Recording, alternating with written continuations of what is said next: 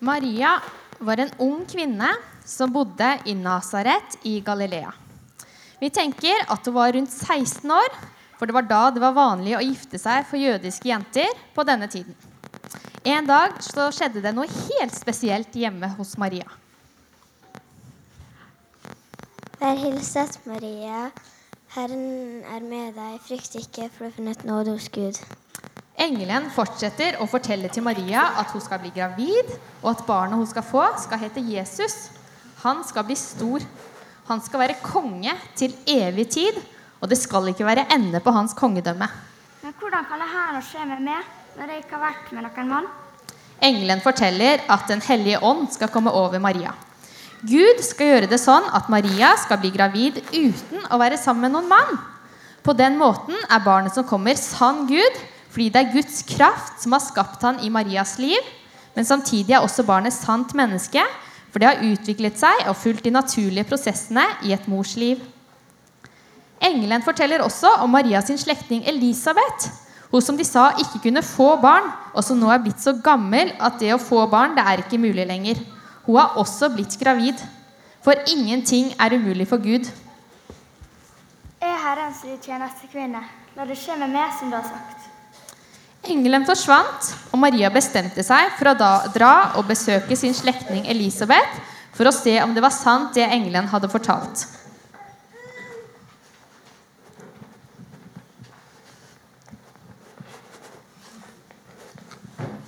Hei, Elisabeth. Oi! Når du kom nå, Maria, sparket barnet meg i magen.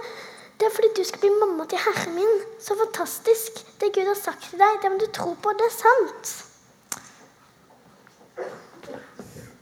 Vi kan jo bare tenke oss til hvilke tanker som surret rundt i hodet til Maria i dagene etterpå.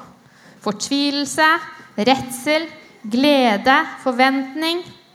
Det står at hun ble værende hos Elisabeth i tre måneder. De to gravide damene hadde sikkert mye å snakke om. Og fikse og ordne. Og så står det i Bibelen at Maria midt oppi alle de følelsene som hun sikkert må ha hatt, så klarte hun å venne seg til Gud og synge en lovsang til han.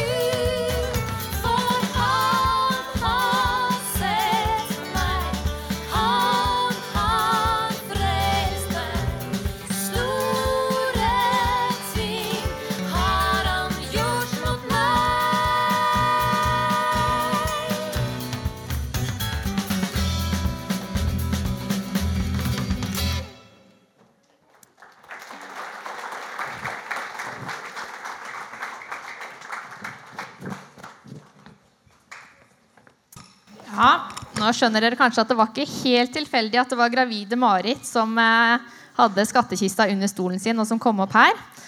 For eh, andakten i dag den handler om når Maria fikk beskjed om at hun skulle bli mamma til Jesus. Og så kanskje med en gang er det litt sånn hm, Skal vi snakke om jula nå, eller hva, Hvorfor kommer plutselig om at Jesus blir født nå, liksom? Men når jeg fortalte denne historien på søndagsskolen for et par uker siden, så klarte de veldig fort å regne seg fram til at det er ni måneder igjen til jul. I dag faktisk er det ni måneder igjen til julaften. Og et svangerskap det varer som kjent i ni måneder. Så søndagen i dag den kalles Marias budskapsdag. Og den feires i kirker i hele verden i dag til minne om Maria, som fikk beskjeden fra Gud om at hun skulle bli mamma til Jesus. Beskjeden som forandra Maria sitt liv, og beskjeden som fortsatt forandrer våre liv i dag, faktisk. Eh, og så sp- fortalte vi denne historien for de eldste på søndagsskolen for et par uker siden for å få litt sånn input til andakten og liksom eh, gå litt gjennom den. Så spurte jeg hva er det vi kan lære av denne historien. da? Og Da var det en av jentene som veldig raskt rakk opp hånda og sa kanskje vi kan lære at vi kan stole på Gud. Og det syns jeg var veldig fint. For det er ganske imponerende at Maria, en jente på 16 år, stolte på det engelen kom og sa. og stolte, Hun visste at dette her kom til å bli styr. Hun ble gravid uten å være gift, og dette her kom til å bli styr. Men hun bøyde seg for Gud og sa, 'Jeg er Herrens tjenestekvinne, og jeg er villig til å gjøre det som du har tenkt oss å gjøre nå, Gud. Du kan bruke meg sånn som du har sagt.' Men det er ganske imponerende å tenke på. Og så I tillegg så står det til og med en lovsang som hun sang til Gud etter å ha fått denne beskjeden. Det er ganske imponerende. Og Gud han ga et løfte om at han skulle passe på å være sammen med henne. Og det er jeg helt sikker på at han var, og at Maria følte at han var. Og så har Gud gitt ganske mange andre løfter i Bibelen også. Løfter som han har gitt til oss som lever i dag også. Ehm, ja, og Kanskje vi kan ta med det fra dagen i dag, at vi kan liksom stole på Gud, sånn som Maria, at Gud eh, tror på at Gud er sammen med oss.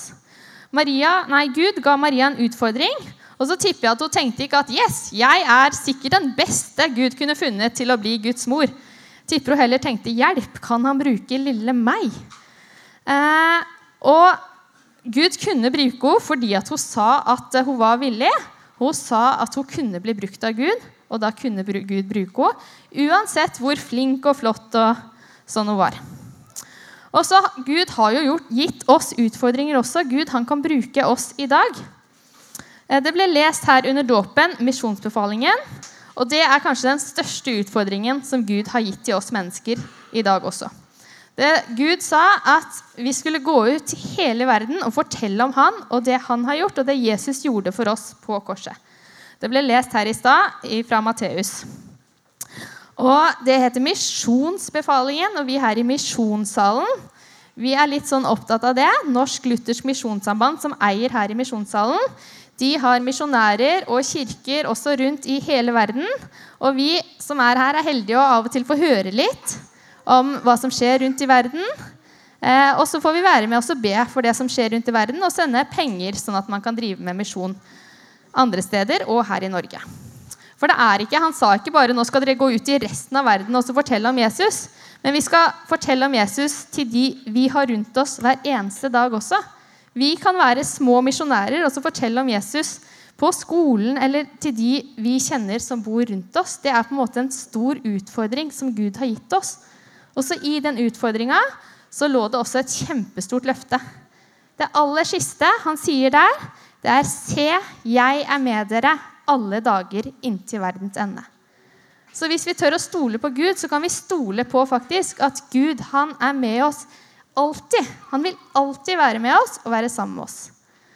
Maria stolte på Gud den gangen, og jeg tror at Gud lever, og at han har lyst til å hjelpe oss i dag også, så vi kan stole på Gud nå i dag også. Og det syns jeg vi kan tenke på når vi tenker på Maria, at Maria stolte på Gud, og det kan vi få gjøre nå også. Skal vi ta oss og be litt på slutten. Kjære Gud, tusen takk for at du kom på den geniale frelsesplanen og sendte Jesus til jorda gjennom Maria, Gud. At uh, hun fikk være med og gjøre store ting for deg. Og tusen takk for at du var med og passa på henne. Og takk for at du fortsatt er med oss i dag, Gud. Sagt at du skal passe på oss helt til verdens ende, Gud.